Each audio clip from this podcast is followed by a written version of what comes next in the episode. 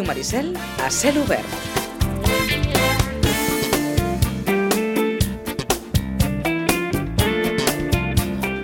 Vinga, què dèiem? En total les Sitges, nou alumnes han rebut aquesta distinció de la prova d'accés a la universitat per haver obtingut una qualificació igual o superior a 9 punts en la fase general de l'ESPAU, de la prova d'accés a la universitat. Aquestes, eh, aquestes distincions, com deia, les atorga el Consell Interuniversitari de Catalunya, eh, reconeixen la bona preparació, el mèrit i l'esforç de l'alumnat de Catalunya que efectua la prova.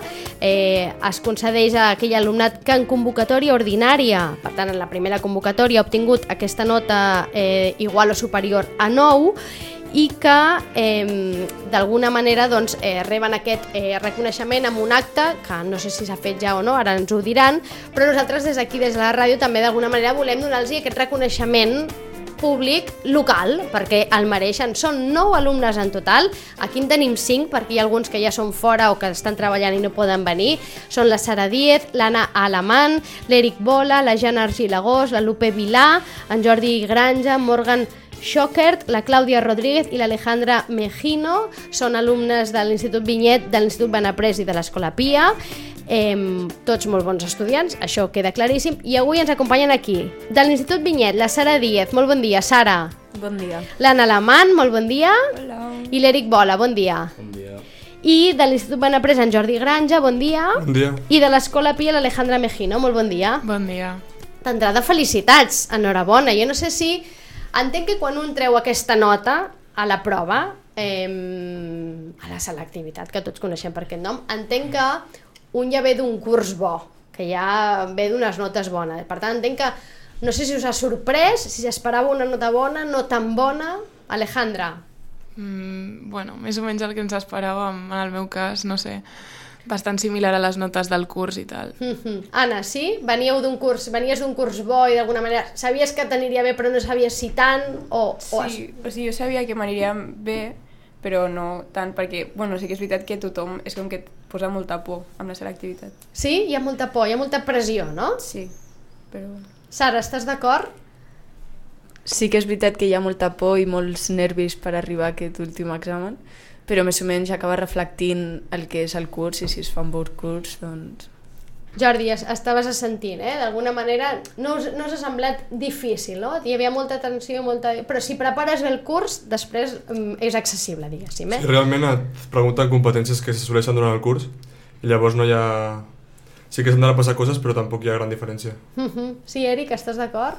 Sí, sí, o sigui, jo la que tenia més por era història i després no, no va ser per tant, així que, així que molt bé. Bé, estan molt contents. Ja ho saben que l'adolescència transmet els sentiments d'aquella manera. Entenc que a casa, no sé si us han felicitat o esperaven també, us han dit, bueno, el que esperaven, Déu, home, deuen estar molt contents, no? Què, Anna? Sí, la veritat és que sí. Estan... no en saben què dir. bueno, que a casa estaran molt contents, nosaltres també estem contents, d'alguna manera hi ha un cert orgull eh, sitgetà també, perquè jo no sé si són nou alumnes són molt o pocs, a mi em sembla que és un percentatge que no està malament, estem parlant d'alumnes que han tret una nota de 9 o més en, a, en a aquesta prova, amb un any eh, difícil, i jo no sé si el segon de batxillerat d'entrada de- és un any difícil, no? Perquè és un any que es prepara, o jo no sé si està, o l'heu sentit així, que és un, un curs que està tot el curs preparat i dissenyat per preparar-vos per aquesta prova, no? És a dir, des del primer dia us estan parlant d'aquesta prova, Jordi, oi? Sí, sí, els exàmens també estan enfocats en aquesta prova directament i més o menys segueixes el mateix patró i, i el mateix esquema per l'examen. Per tant, és un curs eh, en el que us dediqueu a preparar un examen. Sara, Això és, per això tanta por i tants nervis. I aquesta por i aquests nervis, d'on us penseu que arriben? Arriben de, de, de, de l'entorn classe, diguéssim, o de l'aula, prof, del professorat, de, en general de la societat, dels pares, de la família, de, de tot el que hi ha generat entorn a aquesta prova? Què, què, què penses, Sara? Bueno, jo crec sobretot perquè has d'arribar a una nota que després diràs si entres o no al que vols fer. I ja tu mateixa et crees la pressió de fer-ho el millor possible depenent si vols entrar a una carrera que necessiti nota. Aquells qui no necessiten nota no tenen tanta pressió, van per fer-la i, i ja està, però... D'acord, qui per tant, que- és l'expectativa que us poseu del que voleu estudiar després el que us genera aquesta pressió. Estàs d'acord, Alejandra? Sí, però jo crec que de totes maneres, més que el que més pressió ens, ens dona són els profes, sobretot, que, estan, que sempre estan durant tot el curs, us heu de preparar, no sé què, perquè després parles amb exalumnes que han fet la selectivitat aquests anys anteriors i tots diuen que al final és molt fàcil i és veritat, al final la selectivitat és el de menys. Quan arribes allà a l'examen el fas i punt. I, El que passa que el, la nota de la selectivitat no sé quin percentatge representa d'aquesta nota global que després us permet entrar a la selectivitat. Anna, ho saps això? No sé si és un 40%? Sí, un la 40%? Sí. Clar, és, és molt, no? És a dir, un examen, un 40% depèn només d'un únic examen, no? Entenc que d'aquí la tensió i els nervis, no, Eric? Sí, perquè és que bàsicament si no treus la nota comences a pensar que hauràs d'anar a la segona convocatòria, que potser no entres, que has d'esperar un any més i jo crec que ve d'aquí la pressió. Uh -huh. eh, per tant, el més difícil del curs és aquest ambient tensionant, més que el contingut en si, és, és eh, aquest ambient? Totalment. Sí? Sí, sí, sí. És el pitjor, eh? Esteu com esgotats. Ni tinc la sensació que esteu una mica esgotats. No sé si ha sigut un any tan dur que dius, heu acabat, he acabat amb vosaltres, és a dir, ja no puc aguantar més tensió. Eh, entenc que ara, amb les notes que teniu, no sé si tindreu dificultats per accedir a allò que voleu. Alejandra, per exemple, tu què vols fer ara? Eh, jo estudiaré química a l'Institut Químic de Sarrià i per tant tampoc necessito gaire nota. D'acord, per tant, en el teu cas no era tant No. això com... Eh, vols fer químiques perquè et vols dedicar a què? Doncs m'agradaria fer investigació o treballar en un laboratori. Uh -huh. Ara veuran, perquè jo ja els he preguntat abans, que estem, estic rodejada de futurs científics, tècnics, no sé, però vaja, tot molt científic i molt eh, tecnològic. Anna, eh, tu t'arribarà la nota? Jo vull estudiar mates i la meva nota està com molt al límit, per això he posat una enginyeria de dades, Mhm. per, de segona opció, De segona opció. per si Uh un -huh. cas. És a dir, compte com està la situació, eh? Un alumne que ha tret... Quina nota has tret a, a la prova, et puc preguntar? Un 13 amb 3. Un 13. Sí, total. En total, vale, però que ha tret aquesta nota, diguem, que rep aquesta distinció perquè ha tret una nota molt bona, ara fins i tot està dubtant de si podrà eh, entrar a matemàtiques, que justament llegia ahir és una carrera, són uns estudis que ha incrementat moltíssim en la nota de tall. És a dir, en els últims anys ha tingut molta més demanda. Això ja saben que és un tema d'oferta-demanda, eh? Si hi ha molta demanda, Sí, sí. no? eh, incrementa la nota de tall perquè l'oferta no pot encabir tothom. No sé si això ho esperaves, si l'any passat ja era una nota molt elevada... No, l'any passat crec que ja ho era, però sí que és veritat que jo fa molts anys pensava, bueno, si no sé què estudiar, estudiaré mates perquè la nota és baixa. I doncs pues no. Doncs a- aquest any no és baixa la nota. I mates per fer què després? Tens pensat en què t'agradaria dedicar-te? No, no ho sé, la veritat. És a dir, estudiar matemàtiques perquè t'agraden les matemàtiques. Sí. Bàsicament per això. Sí. Caram, veus? Sara, en el teu cas, Jo l'any que ve marxo a fer un voluntariat a Grècia Mhm. i doncs encara no m'he inscrit a cap universitat, així que encara no la nota en detall, no estic molt mirant això. Però sí que després a la tornada m'agradaria fer alguna biotecnologia o bioquímica, alguna així per l'estil. i en principi la nota t'arribaria? Tens Jo calculat crec que sí? que sí. També hem de, de veure les notes de tall d'aquest any i com... Però Com jo que- crec que en principi sí. En principi sí. I l'Eric, què vol estudiar l'Eric? Jo vull fer l'estadística, que per nota hauria d'entrar bastant bé, o sigui, que bé, a la UB, la Universitat de Mhm. I Barcelona. després on t'agradaria treballar? Ho tens pensat això? Què t'agradaria? Sí, eh, després de la carrera voldria anar als Estats Units Sí? o alguna cosa així per aprendre l'anglès, que és on estic més fluix. I després ja pues, intentar fer alguna relacionat amb el Big Data. Uh -huh. Home, i és un, una feina de molt futur, eh? Tot el relacionat amb el Big Data, que ja ho diuen. Sí, Ahir sí. justament també sortia un article, crec que era a La Vanguardia, que deien que era una de les feines de, del futur. Vaja, que la gent que s'especialitza en això del Big Data no necessita llançar currículums que els venen a buscar. Per tant, una, si a més a més t'agrada, entenc que ja és un triomf eh, Sí, total. Jordi, en el teu cas, Jo volia estudiar intel·ligència artificial a la UPC de Barcelona. intel·ligència artificial. Sí. I això d'on et ve a veure? Doncs més o menys he estat envoltat de tecnologia des de petit, vull dir, m'ha agradat bastant. Uh -huh. I aquesta carrera dona bastantes sortides i és bastant encara del futur i es preveu que tindrà bastant treball i a més és una cosa que m'agrada molt. Quan...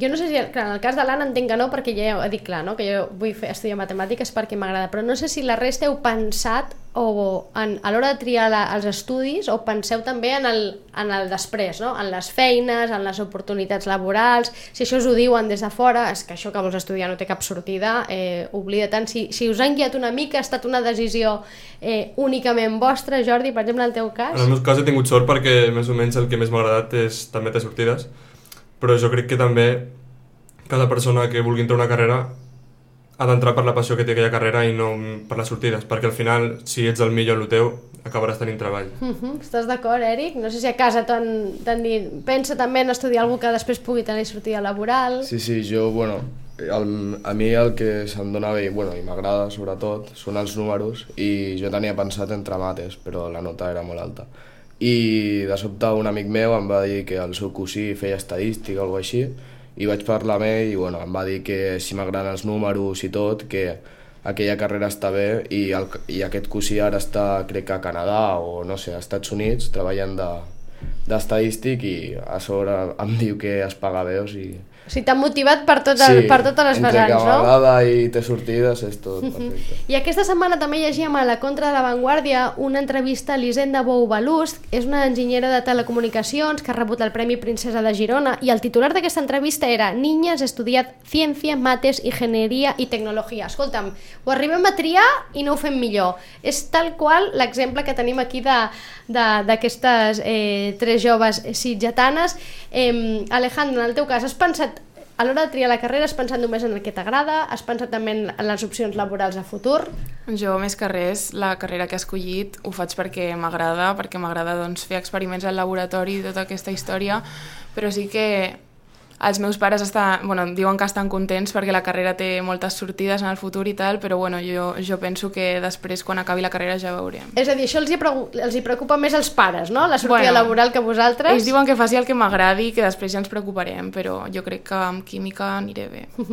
Anna, tu entenc que no has sentit pressió en aquest sentit, eh? Tu no. fas el que, el que t'agrada estudiar i ja veurem després. Sí.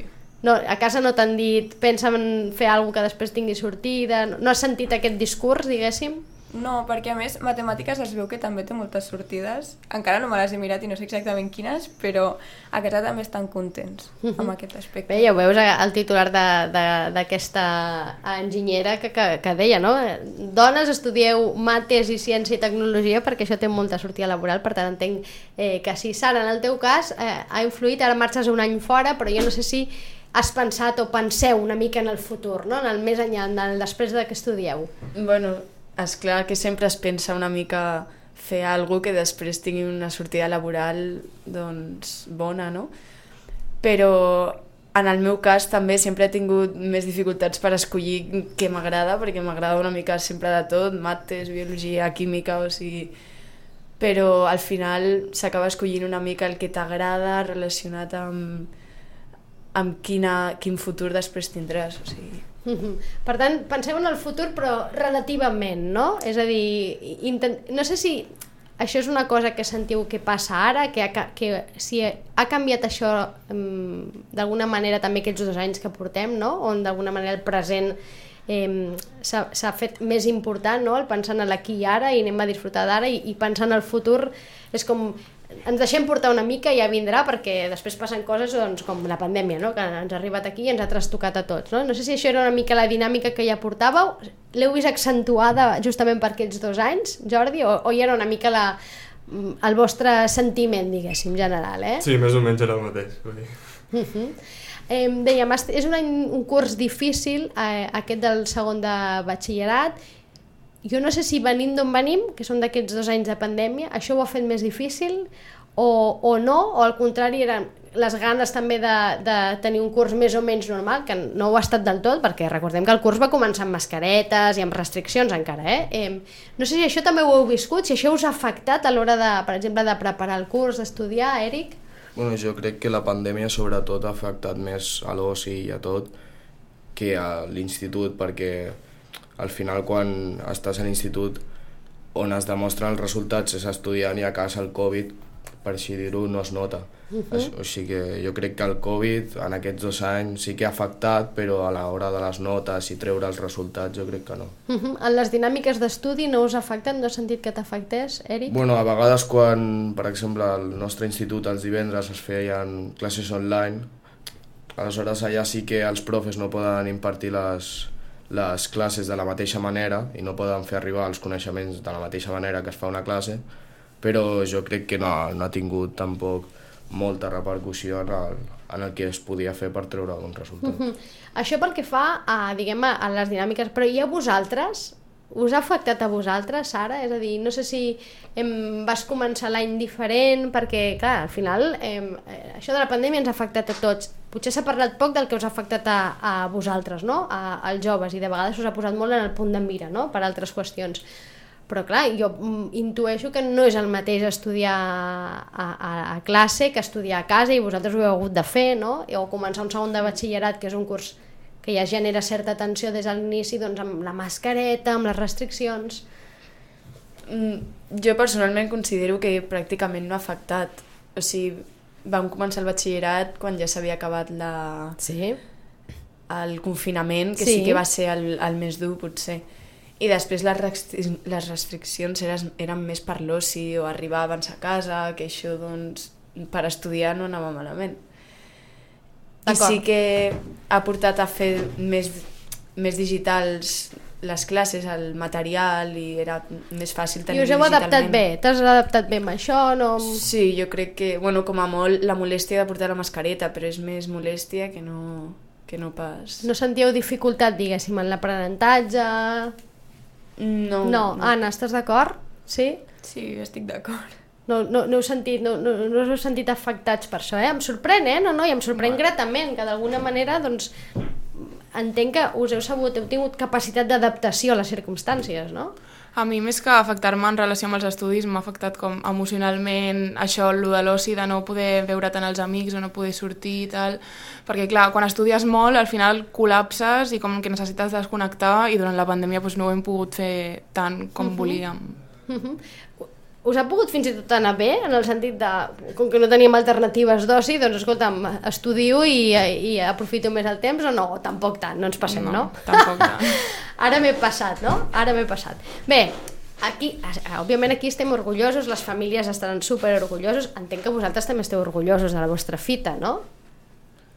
Sí. Sí, sí. Sí, jo al·lucino tu, jo estaria molt contenta, però eh, no ho sé.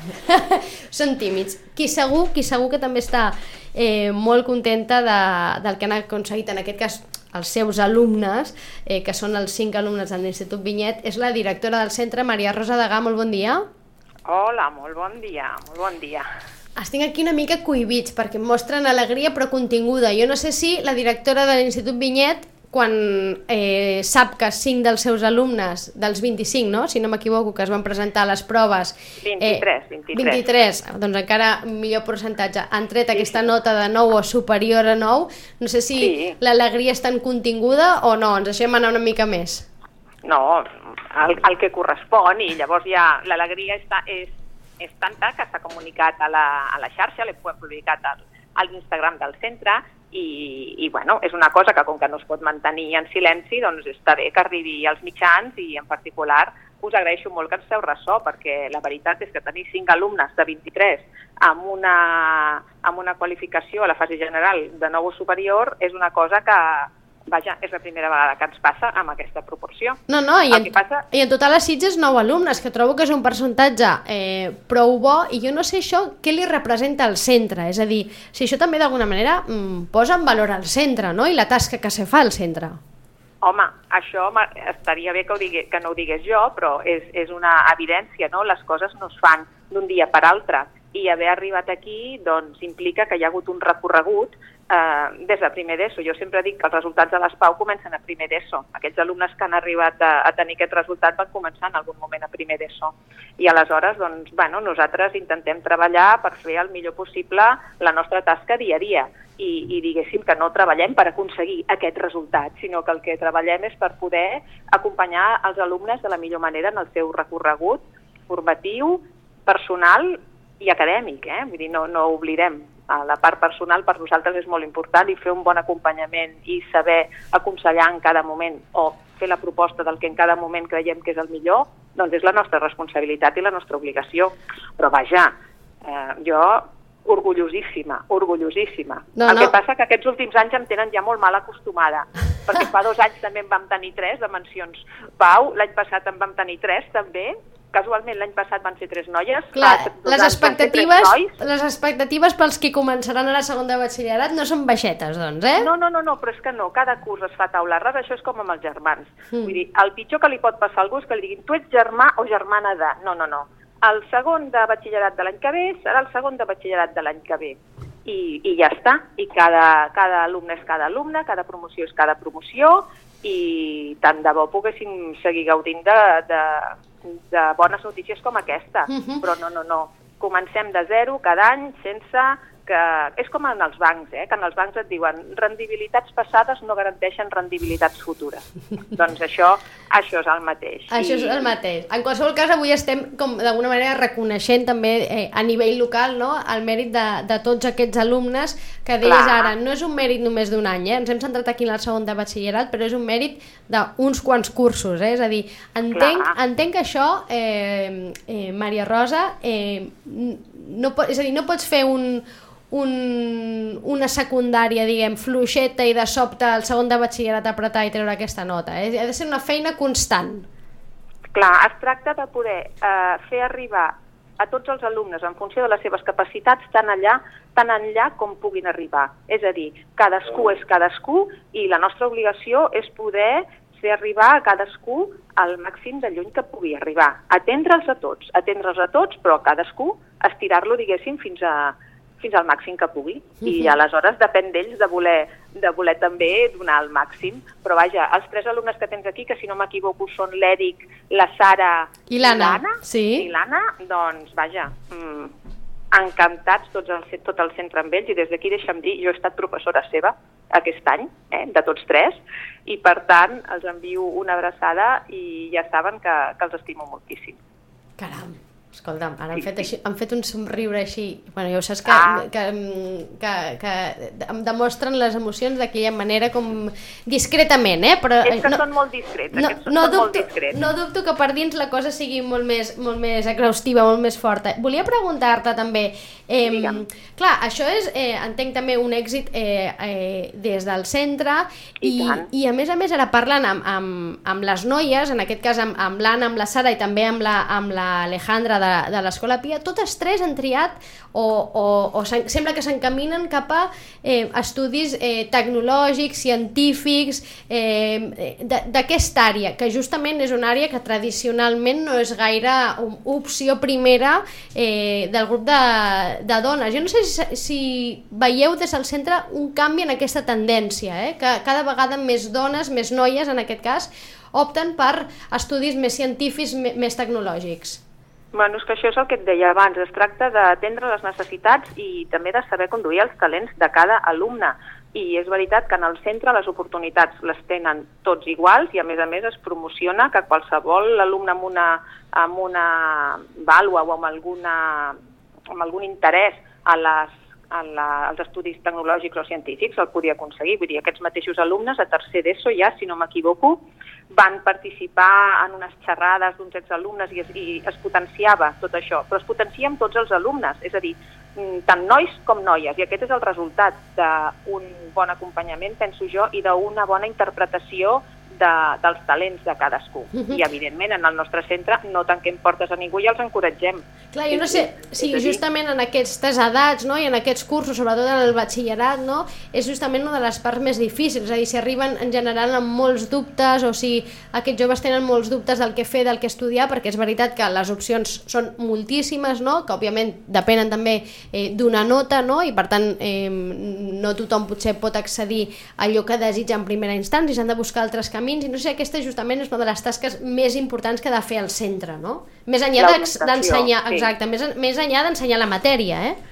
I tant, i tant. Això ultrapassa. Vull dir, la funció tutorial i d'acompanyament és una cosa que en el nostre centre la tenim com molt assumida i, i a part que és, la part funció tutorial és inherent a la tasca del docent eh, segons normativa, vull dir que tots som tutors, però a més a més la tasca de l'orientació amb els orientadors educatius i amb, amb l'acompanyament que s'intenta fer des del centre als alumnes, doncs penso que, que els ajuda a encarar-se cap a allà on tenen més possibilitats d'èxit i també cap a ells on, on volen anar. Hi ha alumnes que, tant, que podrien fer qualsevol cosa. Uh -huh. I hi ha alumnes, clar, això passa moltes vegades, però les vocacions científiques doncs s'impulsen, es cuiden com totes les altres. Vull dir, no fem, no fem res diferent, però clar, jo estic superorgullosa que hi hagi eh, tantes noies al batxillerat científic i tecnològic. Sí, sí, a més, Clar, és veritat que històricament eh, eren carreres o estudis pràcticament úniques exclusivament masculins, a poc a poc van entrant les dones, no?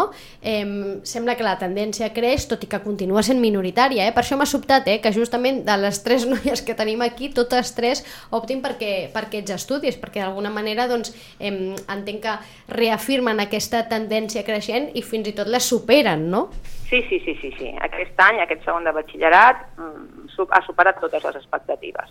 A més, amb un curs difícil, eh? Perquè veníem d'on veníem, de, sí. de dos cursos molt difícils, perquè el curs tampoc no va començar, diguem, amb, natural, amb normalitat absoluta, no? No, mira, aquesta valoració la vam fer ahir justament al Consell Escolar que vam tenir de sí? final de curs, sí. perquè, clar, vam fer tota la, la valoració del curs i també vam comunicar doncs, la notícia aquesta de les mencions Pau i que justament també els vaig dir, mira, demà si teniu una estoneta i podeu escoltar Ràdio Maricel, allà, allà hi seran els nostres alumnes i els altres alumnes també del Benaprés i de l'Escola Pia, que des d'aquí no els conec, però els felicito igualment, eh? Nois, felicitats i, i endavant, eh?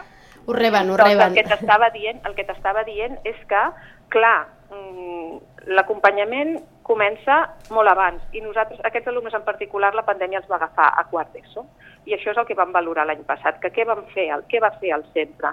Doncs amb el coneixement d'aquests alumnes, la continuïtat a primer de batxillerat va tenir en compte totes aquelles mancances o, o continguts o procediments que no s'havien pogut treballar o les competències que no havien pogut acabar de quedar ben assolides. I aleshores, amb els dos cursos, s'han pogut anar mm, omplint aquelles mancances, entre cometes, que podia haver causat la pandèmia. I jo, des del meu punt de vista i compartit amb tots els meus companys, crec que puc afirmar que els alumnes que han acabat el segon de batxillerat a aquest curs al nostre centre no els ha quedat allò que es diu cap llacuna eh, per -huh. culpa de, de la pandèmia, sinó que aquesta feina i aquest seguiment ha permès, no sé si ells estan d'acord o fan que sí o no amb el cap, a veure, jo no els puc veure, eh? però per la nostra part aquesta era la nostra intenció. Uh -huh. Doncs queda clar que eh, d'alguna manera ha estat un curs exitós, no? si més no en aquestes qüestions, també per aquesta xifra d'alumnes amb, amb grans eh, notes, que hi haurà molts d'altres que també hauran tret molt bones notes, però mm, que, que no tothom pot rebre aquesta distinció. Eh, Maria Rosa, no sé, entenc ja preparant, ja preparant coses de cara al, al proper curs o acabant de tancar aquest, el que queda, què és el que es fa ara a un Les institut? Les dues coses. El curs, el curs que ve es prepara des del març, perquè hi ha tot de procediments administratius i de preparació de curs que des del març es preparen. Ara totalment de ple, però tancant també els últims serrells de, del curs actual, eh? fent memòries, tancant, valoracions, eh, indicadors, el que s'ha de fer en aquestes dates. I clar, començant les dues coses. És un mes de juliol molt difícil en el centre. Es pensa que no, que no hi ha feina, però vaja, la secretaria bull perquè també hi ha les matriculacions dels nous alumnes. Eh, bueno, hi ha molta feina. Uh -huh. Generar informes, expedients, resguards de títols... Bueno, sí. una feina... Aquella que feina que no es veu, no? Com que no hi ha alumnes ens Exacte. pensem que no hi és, però sí que hi és, oi? Sí que hi és, sí que hi és, sí que hi és. I tant. Maria Rosa Degà, eh, directora de l'Institut Vinyet, moltes gràcies per atendre'ns. Jo no sé si algun dels seus alumnes li vol dir alguna cosa. No, ara s'han quedat una miqueta allà. Home, bueno, que moltes maco, gràcies eh? per tot. Maco, eh?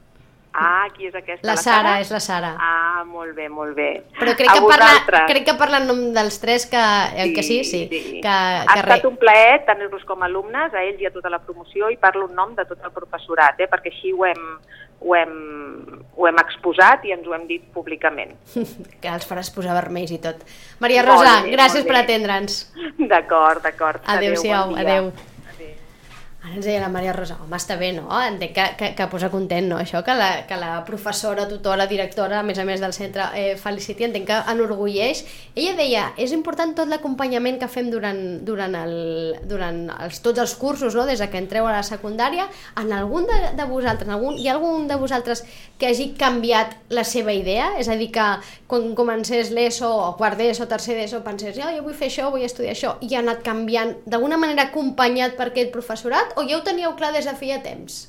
Algú ha anat variant d'idea? No, ho teníeu clar tots, el que, voli, que volíeu fer, el que, és, el que fareu? Bueno, jo sí que sempre he anat valorant les diferents opcions, si parles amb un professor t'explica una mica, després amb l'altre i així va molt bé que, cada, que tinguis la confiança amb cada professor com perquè t'expliqui i et pugui aconsellar. Perquè no sé si són anys de dubtes, és a dir, si el record que teniu ara de, del batxillerat o també a secundària són anys de molts dubtes. No sé si teniu una mica aquest record o no, o heu tingut com les idees clares sempre. Anna. Home, jo és que la idea molt clara no l'he tingut mai i ho he hagut de decidir aquest any perquè, bueno, és el que hi ha. Perquè tocava, no? Sí. O sigui, no he pogut canviar molt d'opció perquè tampoc en tenia gaires, la veritat. Uh -huh, uh -huh. Què diu l'Alejandra? Jo sí que durant bueno, tota l'ESO i així sí que he anat dubtant, però sempre m'he com dirigit més hacia, cap a les ciències, Sí. però sí que m'he acabat de decidir per la carrera aquesta de química que vull fer durant el batxillerat, més que res gràcies a la meva professora, Uh -huh. que doncs m'ha ensenyat tot el que realment m'agrada. Uh -huh. Perquè, clar, quan arriba el moment de decidir, no sé, Eric, si això és difícil, perquè, clar, les alternatives són moltíssimes, eh, arriben eh, mi- mil documents, mil informacions, no? A més a més, avui en dia ho teniu tot a, a, a, a les xarxes, a internet, no sé si a un li bull una mica el cap i diu, ostres, ara mateix, mm, si hi ha dies o moments de dir, ara mateix no tinc ni idea de què vull fer. Bueno, jo en el meu cas és que no tenia més opcions perquè les opcions que volia no m'arriba la nota. O sigui, jo a la preinscripció només he posat una opció, que és l'estadística. O sigui... Uh -huh. Perquè ja tens clar que a les altres no t'arriba la nota. No, no, perquè pf, matemàtiques és la que em fa més així gràcia, però clar, són 13 i pico i no, i no m'arriba. I les altres pot ser que arribi, però no em ponderen les assignatures que he fet a la CL, així, així que només puc fer estadística. Clar, ara, ara ve un canvi gran no? en les vostres vides perquè deixeu l'institut, eh, deixeu Sitges no? per estudiar, eh, marxeu a, o a Barcelona o, o a altres llocs a estudiar. No sé com afronteu aquest moment, si en teniu ganes, si fa una mica de por, si sentiu certa enyorança de, de l'institut. Clar, ha estat una etapa de la vostra vida, no? més o menys llarga. Què dius, Jordi? Sí, ho afrontarem amb ganes, però està clar que serà una època difícil i que l'haurem d'enfrontar amb ganes perquè si no no hi haurà manera, però amb ganes totalment per començar una nova etapa i més o menys estudiar el que t'agrada que al final et motivarà més i tindràs amb més gràcia. I, I Anna, tu creus que enyoraràs l'institut? Bueno, és que són molts anys i, aviam, sí que suposo que quan porti un temps a la universitat pensaré, bueno, igual no estava tan malament, però ara mateix, després del curs, no... Ara mateix esteu una mica saturats, no? Sí, una mica. Els hem encantat un dia una mica saturats, que dic ara jo crec que necessiten, necessiten allunyar-se una mica de l'institut, però clar, amb l'institut no només van les classes, no? Van els companys, els amics, clar, que entenc que en el cas de la Sara més eh, se'n va a Grècia, és a dir, que tu t'allunyes una estona. Eh, T'ha costat prendre aquesta decisió, sents que, sabent, òbviament, que serà una superexperiència segur i que tornaràs, però no sé si això mm, també fa una mica de por, una mica de pessigolles a la panxa. Bueno, sí que, sí que és això, sí que fa por i nervis, però són aquests els que també animen una mica i, i donen ganes del, del canvi. Que també estem ja bastant acostumats a aquests canvis i, i tinc ganes d'això. Uh -huh. Per tant, Però ganes de vi- provar coses noves, eh? Exacte, i òbviament també enyor enyorarem l'institut, que és més com casa nostra, no? Suposo, no tant la universitat o altres Uh -huh. noves experiències. Perquè com us han explicat, per exemple, Alejandra, no sé si coneixes algú que estudi el químic de Sarrià, com t'han explicat, l'ambient que hi ha allà, si, clar, és com començar de nou, no? La sensació una mica és com que comences de zero, no? Sí, bueno, però sí, he anat a visitar la universitat i tal, i no conec ningú d'allà, però sí que estic emocionada per aquesta nova etapa i tal, i això m'agrada canviar d'ambient, conèixer gent nova i tal, i res, amb moltes ganes també, com els altres. Que bé, escolta'm, doncs eh, jo crec que es- està bé, no?, que com, quan un comença a fer un canvi d'etapa, eh, que tingui ganes i il·lusió al final és el principal, no? Si, si entenc que si a més aneu a estudiar, a formar-vos en allò que us agrada, és una motivació, però eh, l'important és tenir ganes, no?, de, de viure noves experiències, conèixer altra gent.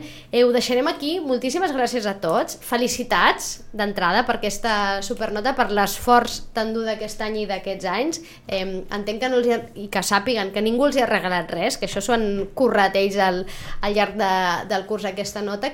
Desitgem que us vagi molt bé en allò que heu plantejat de cara al vostre futur i qui sap si d'aquí uns anys els haurem de convidar perquè són grans matemàtics o grans científics o grans enginyers o han descobert vés a saber què i eh, els por- portarem aquí ja perquè han assolit alguna altra fita, eh, en aquest cas professional. En qualsevol cas, Alejandra, Anna, Sara, Eric, Jordi, moltes gràcies per la visita, enhorabona, i ara alguns treballen perquè eh, dels joves de vegades en parlem una mica malament, però aquests joves no només estudien molt, sinó que a més a més ara quan arriba l'estiu hi ha molts que es posen a treballar per treure's uns dinerets, no? per eh, després afrontar el que vingui. I si no, en qualsevol cas, que gaudeixin de les vacances, que bé que se l'han merescut. Moltes gràcies, nois, per venir, per la visita. Gràcies. A tu, moltes gràcies.